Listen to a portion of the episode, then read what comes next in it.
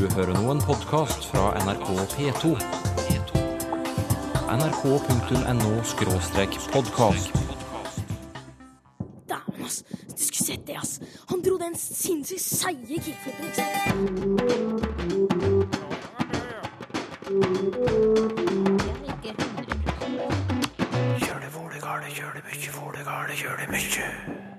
Østkantmål og vestkantmål i Oslo smelter sammen, og forandringene er størst på østkanten. Bruk av pronomener som døm og hender var vanlig i øst før. Også istedenfor å si pose, si påsa. Det er også et eksempel på østtrekk, da, som jeg mener er på vei ut av Oslo-målet. Aldri har det vært snakket så mange ulike tungemål i Norge.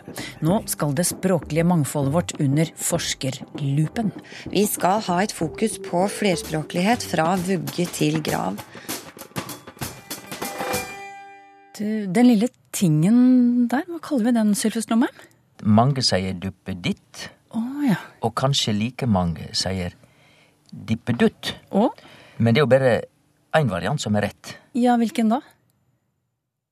Si det, da. Nei, Si det, da. nei. Ok, si det senere, da. Ja. Østkant og vestkant i Oslo smelter sammen, språklig sett. Det leser vi i en ny doktoravhandling om Oslomålet. Og det er østkantmålet som har lidd det største tapet i denne sammensmeltingen, skriver Karine Stjernholm i avhandlingen sin.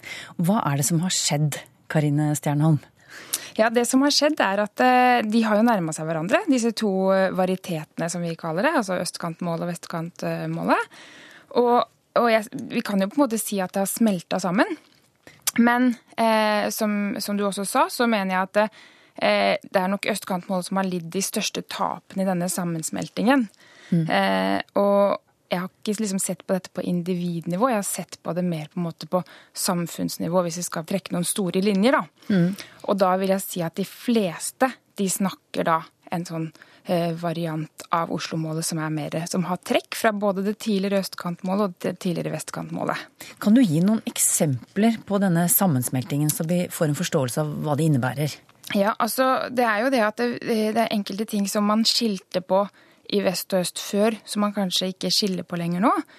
For eksempel så var det i, i øst så hadde man Tidligere så brukte man veldig mye dette med jamvektsinfinitiv, at man hadde jamvektsinfinitiv som slutta på A. Eksempel på det er verra å gjøre, f.eks., eller væra å gjøre. Eh, mens man i vest hadde sa være å gjøre.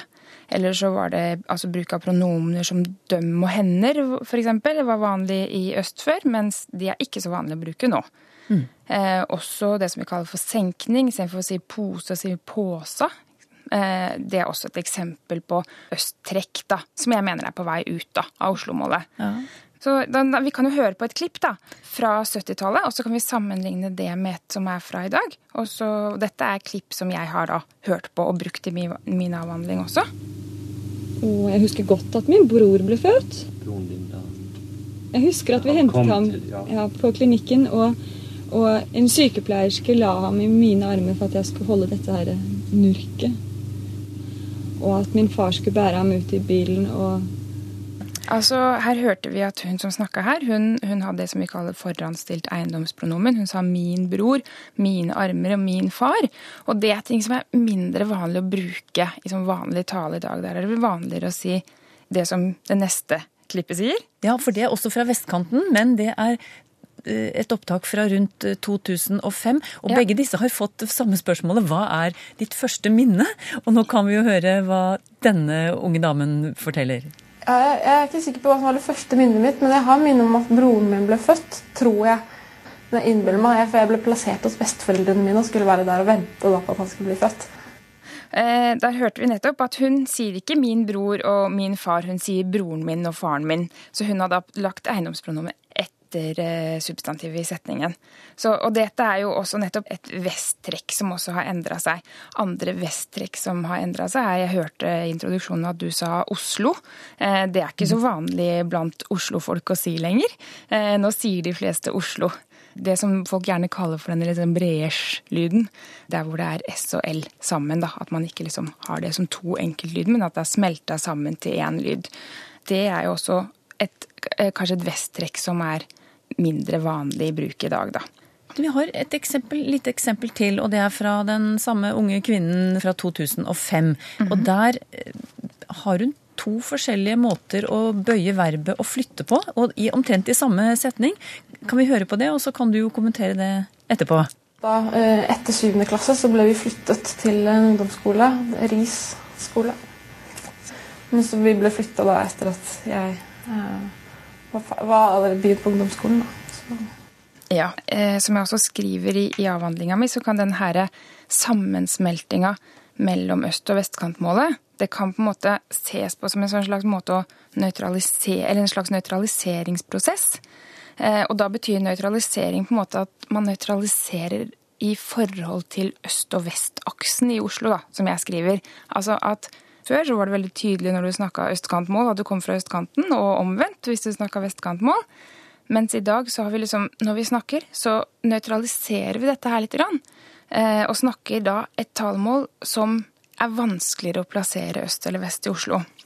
Men hvordan skal vi gjøre det hvis jeg skal fortelle at jeg har flyttet eller flytta? Så må jeg jo velge en av dem. ikke sant? Jeg kan ikke, jeg kan ikke si det uten å velge en av dem. Og da, da gir jeg jo på en måte et signal om øst eller vest. Men da kan jeg velge å veksle litt. Og på den måten så nøytraliserer jeg litt, liksom ikke gjennom kvalitet, ikke sant. Jeg, jeg, jeg, jeg nøytraliserer ikke gjennom den formen jeg bruker, fordi flytta eller flyttet vil vise hvor jeg kommer fra. Men jeg nøytraliserer gjennom kvantitet, gjennom antallet ganger jeg bruker det. Men hvordan er det med A-endelser og E-endelser? Eh, Stuen, boken, solen eller stua, boka, sola.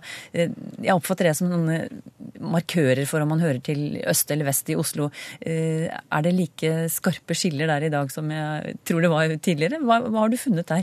Dette er en av de tingene som jeg har undersøkt i avhandlinga mi. Og det som jeg har funnet ut der, er at eh, bruken av A og EN i bestemt form entall substantiv, den er veldig stabil faktisk i Oslo. Og egentlig så er jo dette litt rart med tanke på at jeg samtidig også sier at ja, men det har jo skjedd en sammensmelting. Og så er det jo på en måte helt likt når jeg hører på opptakene. Altså det, er, altså, det er like mange ganger brukt ikke sant, på 70-tallet som i dag. Og en av de tingene som gjør at jeg likevel sier at det har skjedd en endring, det er det at det, det er, i Oslo så er det veldig mange som flytter. Veldig mange som flytter inn, og veldig mange som flytter rundt omkring i Oslo.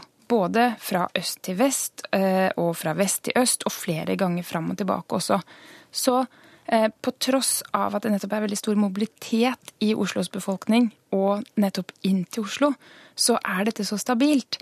Og da må jeg prøve å tenke hva er grunnen til det? Og da har vi også dette, disse resultatene fra denne store nettundersøkelsen som vi hadde, Oslo-testen, hvor vi spør folk hva de eh, mener at de bruker, om de mener at de bruker A eller EN. Eh, i, ord, i, I ordet døra var det vi spurte da, eller døren. Og det som var litt morsomt da, var at altså, det er helt tydelig at Oslo deler seg mellom øst og vest. Altså Oslo-folk har en oppfatning av at døra hører hjemme i øst, mens døren hører hjemme i vest. Og da, når vi nettopp ser dette her i sammenheng med flyttestrømmene i Oslo, så skjønner vi det at det, det må faktisk være et poeng for Oslo-folk også å markere en øst- eller vest-tilhørighet. Og det kan de også gjøre, ikke sant, gjennom dette. Så én ting er at man kan nøytralisere ved å veksle. Men så er det kanskje en, i en setting hvor jeg ikke ønsker å nøytralisere. Jeg ønsker faktisk å vise min tilhørighet i øst eller vest. Og da kan jeg ta dette i bruk. Da kan jeg si døra hvis jeg har lyst til å være eh, snakke østkantmål. Så kan jeg si døren hvis jeg har lyst til å snakke vestkantmål. Men da lurer jeg på i hvilke sammenhenger er det oslofolk da ønsker å nøytralisere, og i hvilke sammenhenger ønsker de å vise tilhørighet gjennom språkbruken sin? Altså det, det er jo noe som varierer veldig, og som språkforsker så vet vi at eh, vi, ja, altså du kan f.eks. se på det som at vi har mange ulike formalitetsnivåer å snakke på. ikke sant? At f.eks. i et jobbintervju så vil du snakke veldig annerledes enn du gjør hjemme i stua sammen med familien din. Og så blir det nettopp eh, Måten man håndterer det på, det er å være nøytral. Da er du på en måte åpen for alle, ikke sant? Eh, og åpent innstilt til alt. Mens i andre sammenhenger, og da er det jo kanskje en av de, de sammenhengene som kanskje markerer, altså viser det best, det er jo Ungdomsspråk er jo veldig typisk, ikke sant. Hvis du er eh, 14 år og fra østkanten og syns at de i vest er litt eh, snobbete, så har du ikke lyst til å si døren, ikke sant. Da er det viktig å si døra. Men så er det også det at det fins jo mange, mange lag imellom her. Og man kan også tenke seg at en person som kanskje har en veldig formell jobb i en bank på dagen, men er, eh, elsker å kjøre motorsykkel på kvelden, og du kan liksom se for deg hvordan hun skifter tøy fra liksom bankpersonen til motorsykkelpersonen, og også kanskje språkdrakt samtidig. Kanskje det, ja. Et nøytralt Oslo-mål på dagtid, og etter jobb snakker vi som vi vil. Karine Stjernholm ved Universitetet i Oslo har skrevet doktoravhandling om at språket på østkanten og på vestkanten i hovedstaden smelter sammen.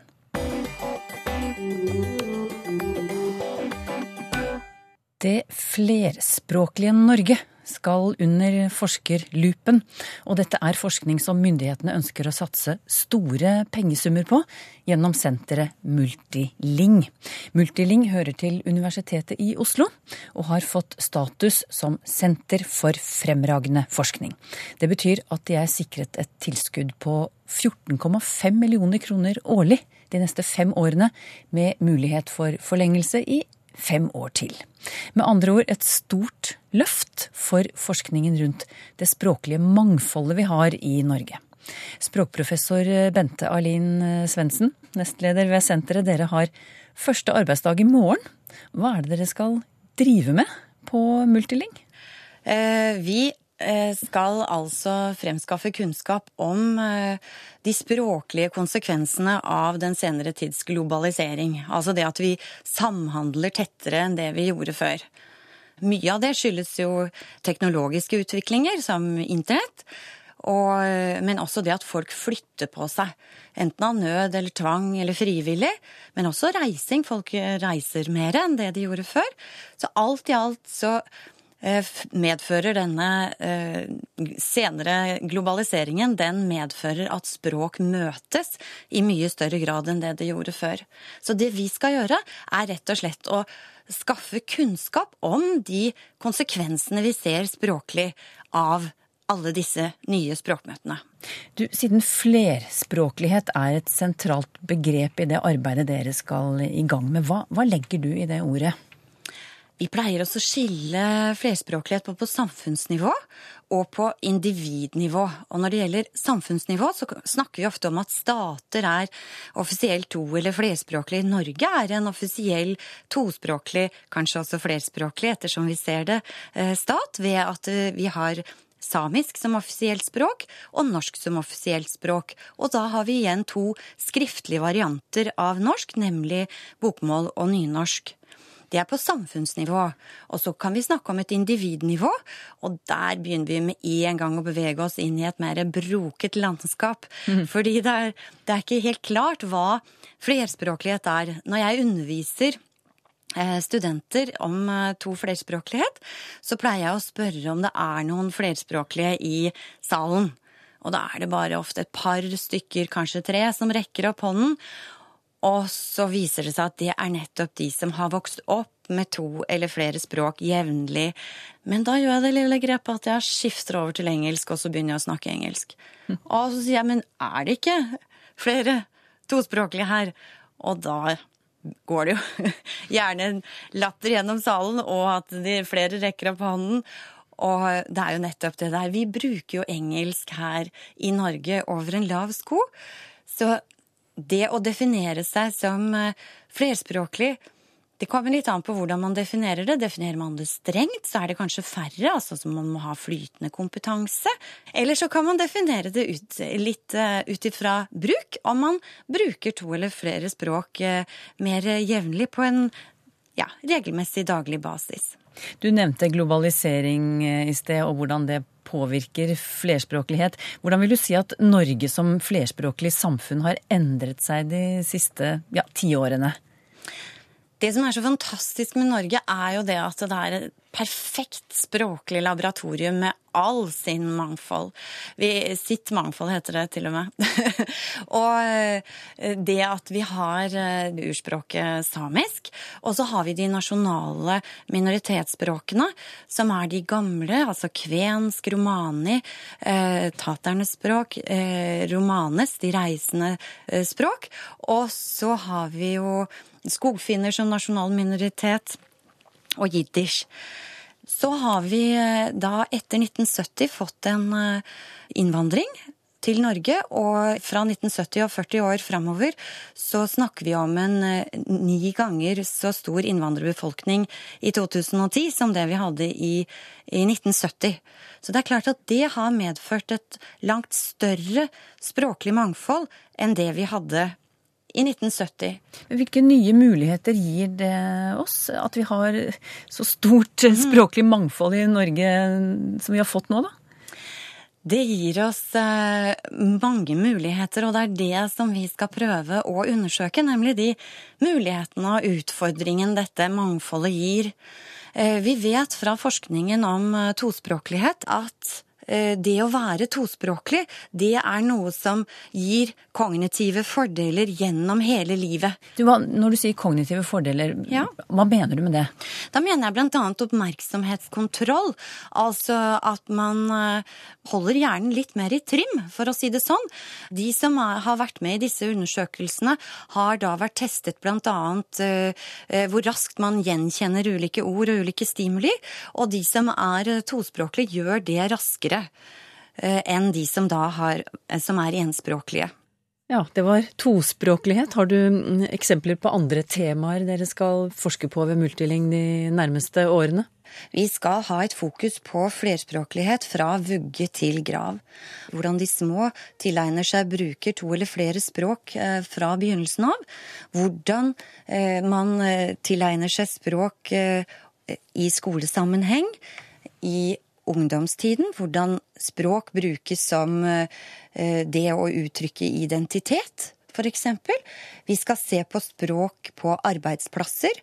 Vi skal eh, også ta oss videre opp igjennom alderdommen. Hva skjer ved normal aldring? Eh, både hva som skjer da, når man kan to eller flere språk, men også hva som skjer ved språkskader. F.eks. afasi, altså skade etter slag. Hvilket språk gjenfinner man eh, først? Og vi har nå etter hvert eh, tre generasjoner med innvandrere. Hvordan forvaltes dette i helsesektoren, når det både er pleiere og pasienter som ikke har norsk, norsk som førstespråk? Eh, dette handler om at vi skal inn, altså fra vugge til grav. Vi skal skaffe kunnskap om hvordan samfunnet på best mulig måte kan forvalte dette eh, mangfoldet, som gjør at vi får et integrert, demokratisk samfunn der alle har mulighet til å forbedre, øke sin livskvalitet. Det sa språkprofessor Bente Ailin Svendsen ved Universitetet i Oslo. Og Multiling har altså fått status som senter for fremragende forskning. Dermed er de sikret et tilskudd på 14,5 millioner kroner årlig de neste fem årene, med mulighet for fem nye år deretter. Det er ikke ofte humanistisk og samfunnsvitenskapelig forskning får slik status. Gjør det for det gale, gjør det mye for det Å oversette store tall, det er ikke alltid like enkelt, Sylfus Lomheim. Nei, det er ikke det. du, for et par uker siden snakket vi bl.a. blant annet om at en norsk milliard, det er det samme som 1000 millioner. Amerikanerne, de kaller dette for billion.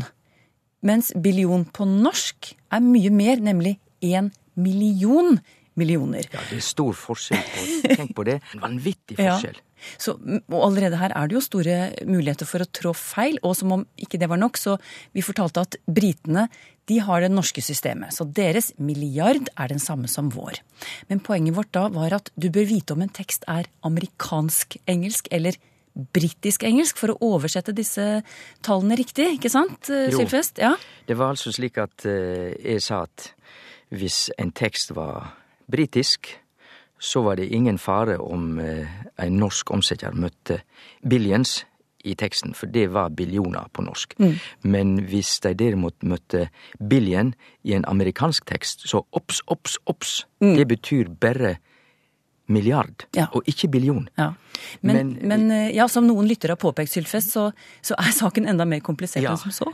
Den er det fordi at uh, vi fikk iallfall noen nokre e-poster som uh, forklarte at nei, men så enkelt er ikke dette. Og de har helt rett, det er ikke så enkelt.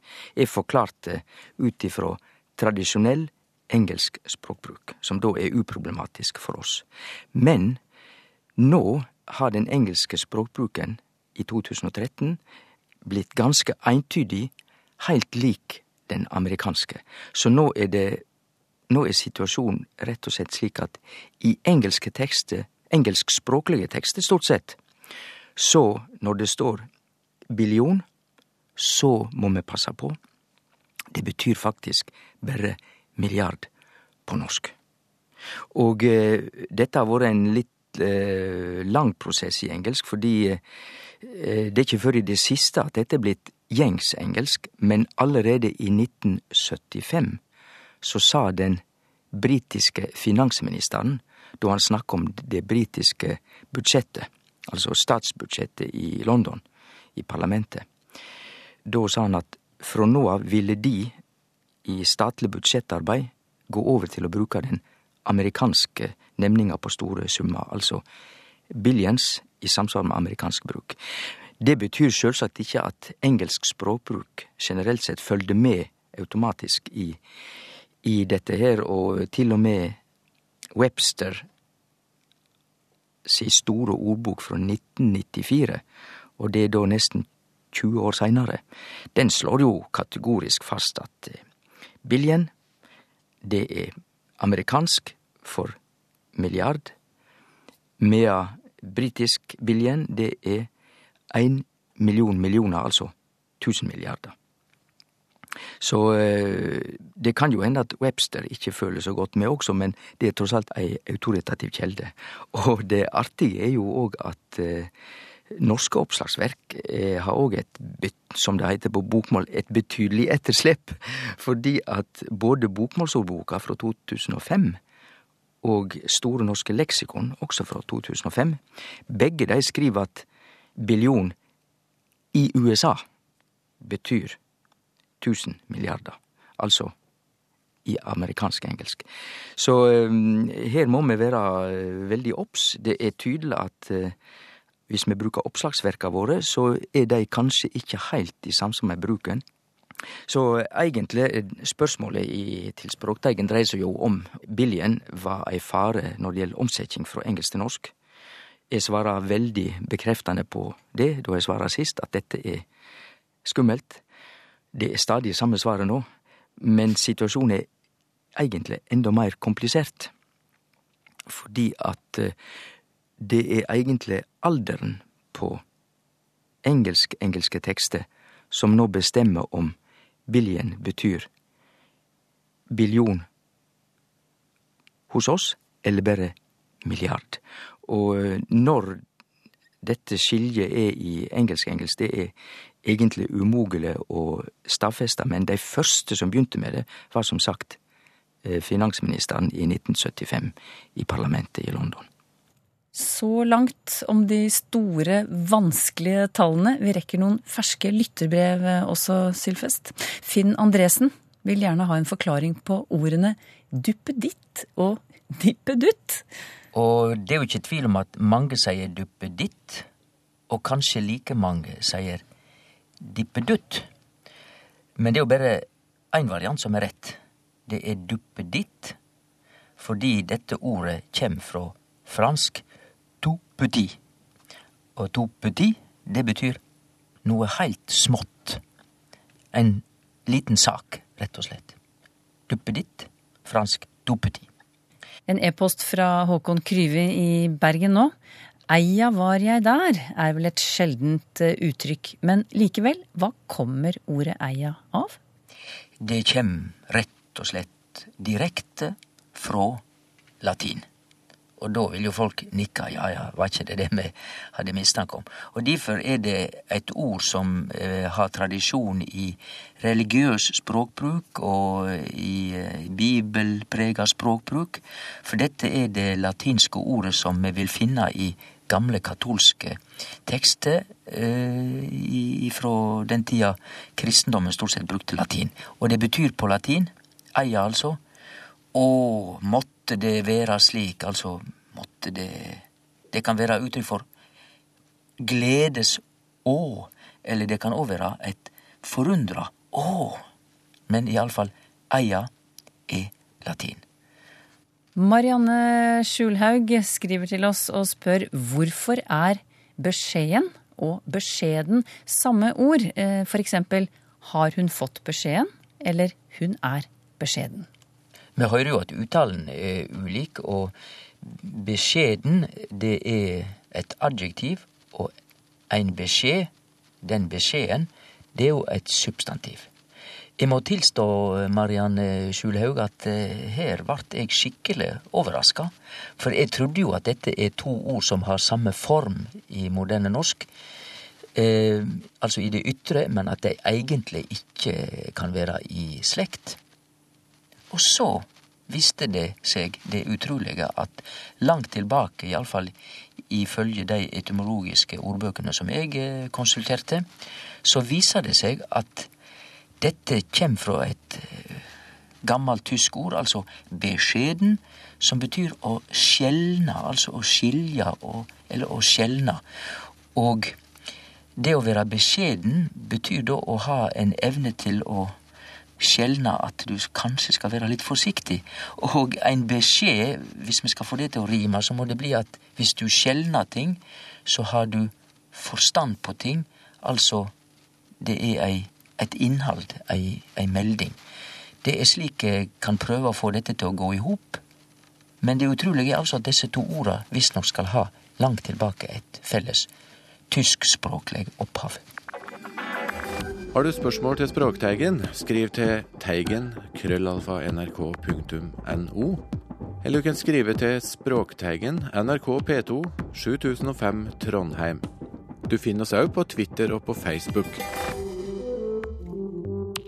Neste utgave av Språkteigen blir et gjenhør fra i fjor, bl.a. om dativ, som er et kasus på sotteseng.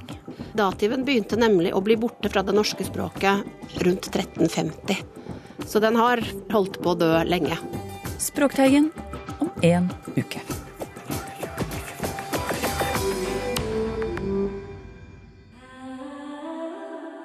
nrk.no podkast.